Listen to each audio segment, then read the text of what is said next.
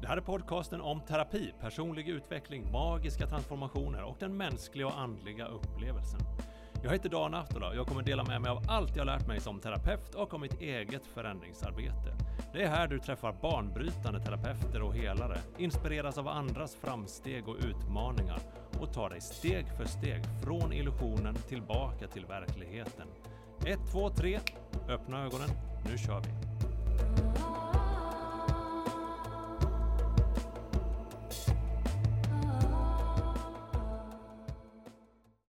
Hallå, hur är läget? Kul att så många av er hittat hit, men framförallt vill jag tacka just dig för att du lyssnar. Min förhoppning är att du ska känna att du lär dig något bra, att du inspireras och att det känns bra att lyssna på 1, 2, 3, öppna ögonen. Och är det så att du gillar vad du hör, säg det gärna till mig för det blir jag superglad för, men du får också jättegärna berätta för andra. Om det är något som träffat dig eller du har fått en ny insikt men kanske kan också vara något som berör någon du bryr dig om. Och mycket av det jag och mina gäster pratar om är ju utveckling och förändring. Inte bara är det helt och hållet oundvikligt och nödvändigt utan det är också ett av mina största intressen. Hur vi förändrar våra tankar, vanor och gamla inprogrammerade känslor eller självbilden för den delen. Det är inte bara så att vi föds och så är man där man är. Vi lär oss vilka vi är. Under barndomen, där vi lär oss allra mest, får vi främst veta av andra vilka vi är, hur relationer fungerar, känslor, rädslor, hur vi ska förhålla oss till omvärlden, till pengar eller till prestation. Man är inte alltid medveten om hur programmerad man är i sina beteenden för att det är på något sätt, det är så självklart och speciellt det som kanske inte är omedelbart dåligt som inte genast känns negativt. Det tar liksom upp sin plats och gör inte så mycket väsen av det och en liten negativ vana gör ju ingen skillnad ärligt talat. Nej, men flera tillsammans. Och jag vill göra dig uppmärksam på saker som kan hindra din utveckling och din strävan att må bättre. Eller att ha ett mer, eh, vad ska jag säga, vibrerande liv. Vi vill ju uppleva oss själva i den här världen och göra det nu när vi är här. När du vill göra mer plats för mer av det nya, ljusa och fräscha så måste du städa ut lite av det gamla. Du kan inte sätta in en ny säng i sovrummet när den gamla står kvar. Det gamla och sletna behöver rensas ut för att ge plats. Och det kan handla om att ifrågasätta saker man har trott varit bra för en eller som fungerat som en trygghet eller tröst eller belöning men som, hallå du, om du tar dig själv på allvar. Kan se inte hör hemma i ett klart medvetande i en frisk kropp, eller hur? Det är helt rätt tid för förändring och nytänkande. Att gå vidare utan att klänga fast i det gamla. Den här supersnabba teknologiska utvecklingen banar väg för ett nytt liv. Vi måste också hänga med mentalt och andligt och se att vi utvecklas fort. Det är vattumannens tidsålder, the age of Aquarius. Människor börjar tänka mer fritt och ifrågasätta gamla trossatser och hierarkier. Vi går mot mer frihet, men den måste börja inifrån. Det är den största skillnad du kan göra i världen, att jobba med din egen energi och vara så positiv du kan. Då finns det en del saker som du måste sluta med om du vill må bättre. Nej, du måste inte sluta med dem. Inget händer om du fortsätter. Kanske är det just det som är problemet, att inget händer. När du faktiskt känner att du vill ha förändring och något mer nytt och fräscht i livet. Detta är inga absoluta regler. Det är saker jag har observerat och reagerat mot. Det finns säkert fler. Eller så är det så att du tycker någon av de här grejerna är toppen för dig och fine, fortsätt då med det. Vill också påpeka att alla de här sakerna gör jag själv. Så det är inga moraliska pekpinnar. Kanske är det så att det här avsnittet är lika mycket för mig som för andra. Men i grunden är ju ja, att jag gör den här podden för att jag älskar att göra den. Och ifall andra tycker om den så är det ju en stor bonus, tycker jag. Det här är åtta saker du måste sluta med om du vill må bättre. Nummer ett. Klaga. Om vi ska bara se på en frekvensnivå, om du förstår vad jag menar, så kommer klagande aldrig skapa några positiva vibbar. Ett klagande sätter dig i en maktlös position. Ansvaret flyttas till någon annan någon annanstans. Det är den personens, eller den sakens, eller händelsens fel att du mår dåligt och inte kommer framåt. Och när du klagar så smittar det av sig på andra. Och tänk dig själv när du hör någon på jobbet eller någon släkting som bara hittar fel och brister.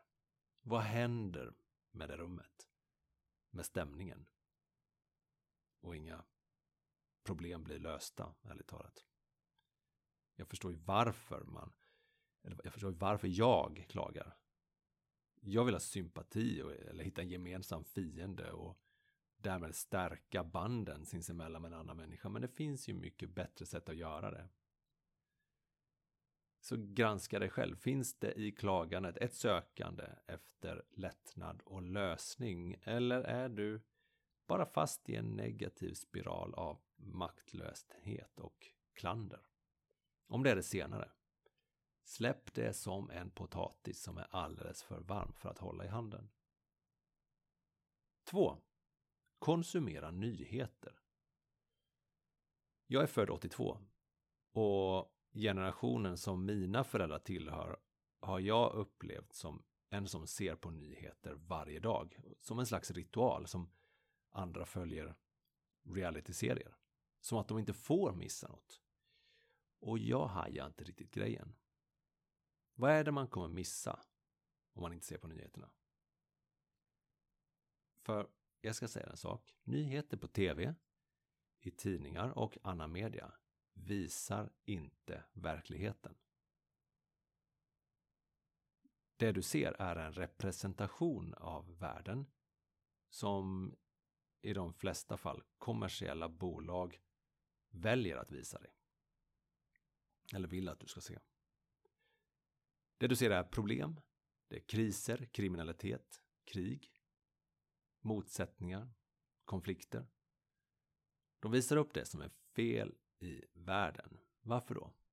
Jo, för att människor blir rädda då och osäkra av det. Och vet du vad rädda och osäkra människor gör? Men de, de konsumerar. Inte bara blir de beroende av mediabolagets produkt för att veta vad de ska göra för att överleva när ryssen kommer, när rysskylan slår till. Hur du undviker att bli rånad och när de inte har något annat att skriva om. Då slänger de en dold sjukdom i ansiktet på dig. För att du ska bli medveten om att du har kanske alla tecken på att du är drabbad. Läs allt om det. Om nyheterna verkligen hade visat vad som sker i verkligheten så hade de negativa händelserna tagit upp så här mycket tid. Och resten hade speglat typ allt som är normalt och bra och fungerande. De visar bara en ytterpytteliten del av hur världen faktiskt ser ut.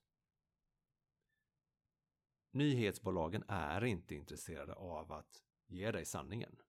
De är vinstdrivande bolag vars syfte är att öka värdet på bolaget. Punkt.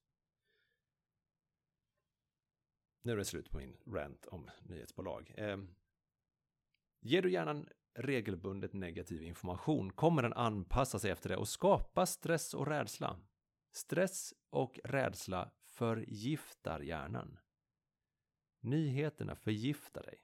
Du har lika stort ansvar att ge hjärnan näring som att ge din kropp näring i form av bra mat. Förgifta inte dig själv. Är det något som är viktigt som du behöver få reda på så kommer du få reda på det. För min del, Jag har hållit mig borta från nyhetskonsumtion så gott det går i ja, sju, åtta år och jag lever fortfarande. Och frodas, om jag får säga det själv. Nummer tre. Skärmberoende. Jag hörde någonting som Eckart Tolle sa i en intervju där han påminde om att vi numera måste förhålla oss till fyra verkligheter. Dåtidsverkligheten, nutidsverkligheten, framtidsverkligheten och den virtuella verkligheten som framför allt för yngre människor är en självklarhet. Det är minst en plats för mycket där vi behöver förhålla oss till oss själva och andra. Men vad menar jag då med skärmberoendet? För barn är det potentiellt skadligt. Vi vet, vi vet alldeles för lite om omfattningen av påverkan på deras hjärnor för att ge dem fritt blås. Och för vuxna, ja, vi har vant oss vid den omedelbara behov till, behovstillfredsställelsen och hatar att inte få kickarna med en gång. Den virtuella verkligheten är så tillfredsställande att vi inte ens kan hålla en normal konversation igång utan att logga in i den minst några gånger för att se vem som har brytt sig om vad du åt till lunch eller vilke, vid vilken strand dina bara ben syntes vid senast. Nu undrar du om jag hör hur jag själv låter. Och det är sant, jag låter som en stofil. Jag tillhör typ den sista generationen som hade en barndom utan internet. Men jag är lite modern ändå eftersom jag har en podd där jag kan tycka att dagens ungdom är slapp. Jag skriver i alla fall inte insändare eller med Ring P1. Men eh, håll lite vaken. Kom tillbaka till verkligheten. Nutidsverkligheten. 4. Sitta stilla. Det sägs att stillasittande är lika farligt som att röka, men det stämmer inte riktigt. Det är en annan slags farligt. Det förkortar livet, ja. Det gör att din kropp är i sämre skick eftersom kroppen ska jobba och sträva för mat och vila. Jag har sagt det tidigare, men vi är ungefär samma biologiska varelser som för 200 000 år sedan och inte byggda för att sitta framåtlutande och hänga med huvudet. Vi ska krypa omkring och plocka insekter och bär och eh, jaga mammutar med stenspjut och sånt. Nej, det kan, kanske är lite extremt. Jag är inte en sån som säger att alla måste gå på gym för att nummer ett, det är inte jätteroligt. Man måste vara rätt tjurskallig för att hålla igång den vanan. Och nummer två, det finns andra sätt att röra kroppen. Dansa lite grann, hörru. Rör de här fräcka höfterna, känn dig lite levande. Rörelse gör dig kreativ, det får igång kroppen och hormonerna. Jag har ett stillasittande jobb. Det är antagligen det allra sämsta med att vara terapeut. Jag sitter framför en skärm typ hela dagarna. Idag från halv nio, eller ja, från åtta till fem. Vissa dagar märker jag av det, men eh, jag hade nog inte varit lika mentalt uppfylld om jag skulle fortsätta vara brevbärare som var min tidigare längsta karriär. Eh, vill passa på att hälsa till 416 och 214 kontoren förresten, om ni skulle lyssna. När vi suttit stilla på jobbet så går vi ofta hem eller ja, sitter i bilen eller i kollektivtrafiken hem. Vi går och sätter oss vid middagsbordet och sen sätter vi oss framför tvn. Det är bara lite för mycket, håll med. Och att sitta framför tvn ger dessutom fler bieffekter. Vad ger du hjärnan då? Apropå det jag nämnde om nyheter förut. Sitta i tv-soffan gör att du missar kommunikation i din relation.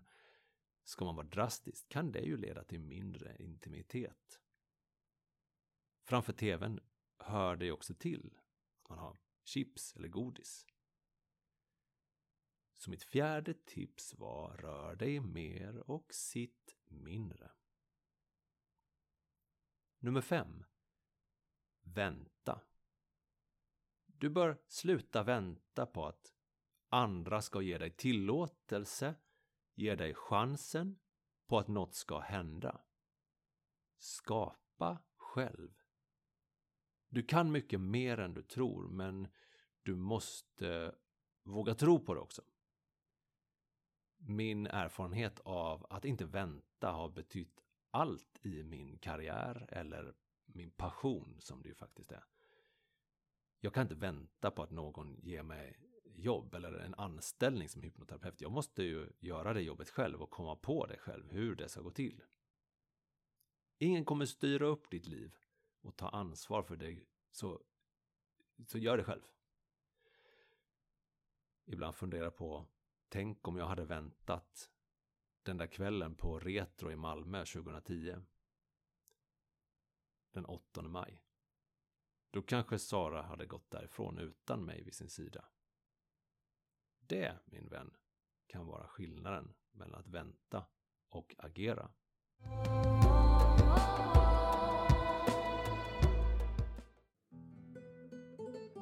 Nu kommer jag in här och avbryter mellan femman och sexan och påminner om att ifall du vill ha hjälp med förändring eller förbättring att lösa upp en blockering som inte riktigt ger med sig eller vill accelerera framåt i din personliga och professionella utveckling. Hör av dig till mig. Det finns bara någon tid nästa vecka, men eh, efter det har jag luckor. Tack vare att jag inte träffar mina klienter mer än typ 3 till 5 gånger så har jag korta behandlingsintervall. Alltså jag tar hela tiden emot nya intressanta klienter. Kolla in på Boka Direkt eller mejla kontakt atola.se. Här kommer nästa punkt. Nummer 6. Stagnerade relationer.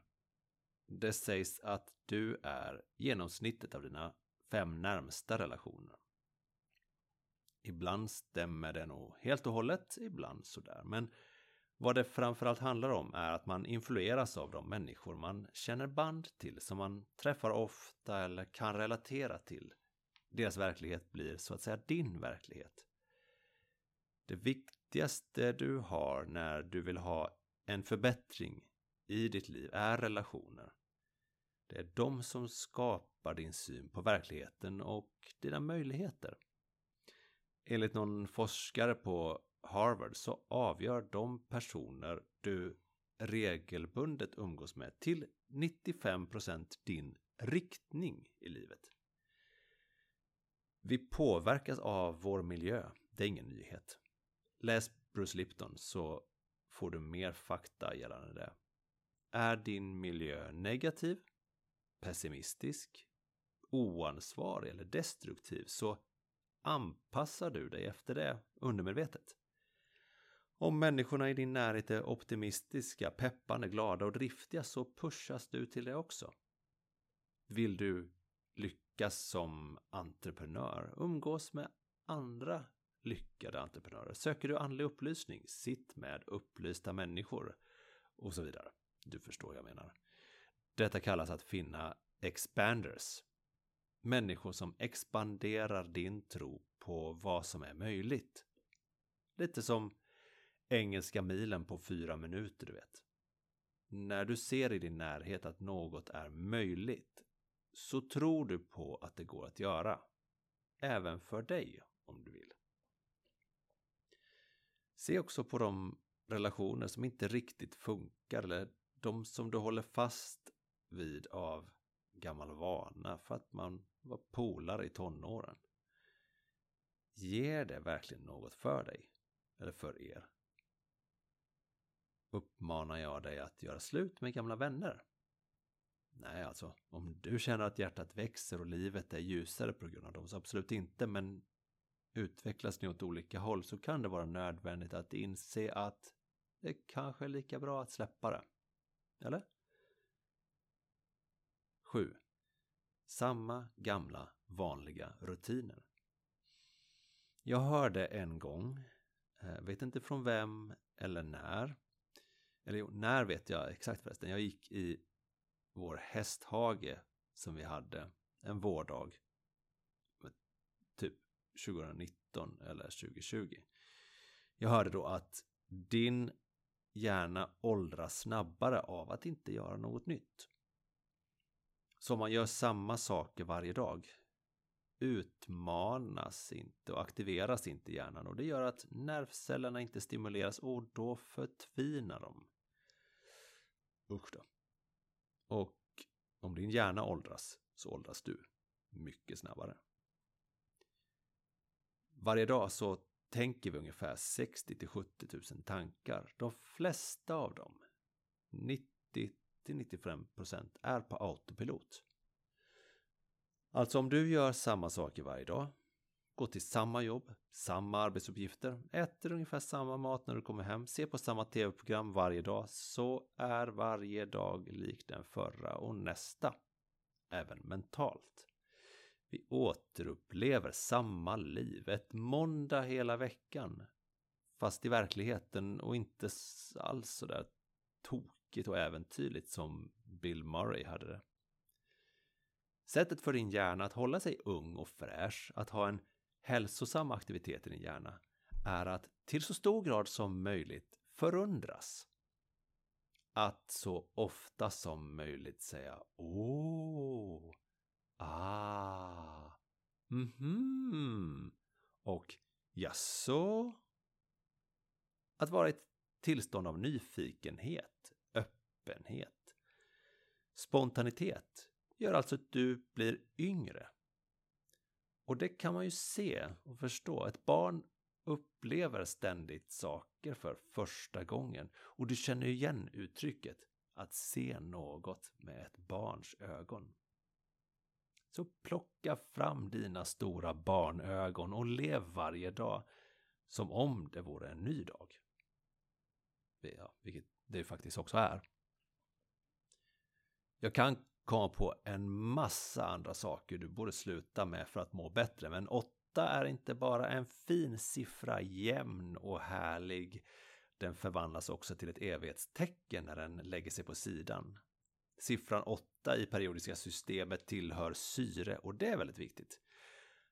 Att jag inte listar allt jag kommer på lämnar också utrymme för dig att själv fundera på vad du kan sluta med för att må bättre. Och här kommer nummer 8 sura. Skratt är den högsta vibrationens tydligaste manifestation. Att sura är motsatsen. Att sura gör ungefär samma sak med kroppen som syra. Det fräter. Tror jag i alla fall. Det finns så mycket du kan göra. Släpp stoltheten och ta ett andetag och gå vidare. Du är värd bättre, Raring. Jag hoppas detta avsnitt kan inspirera till något. Som att ta ett beslut som gör att du mår bättre. Och jag är övertygad om att ju bättre du mår, desto bättre mår också resten av världen. Hej då! Hörs igen nästa vecka.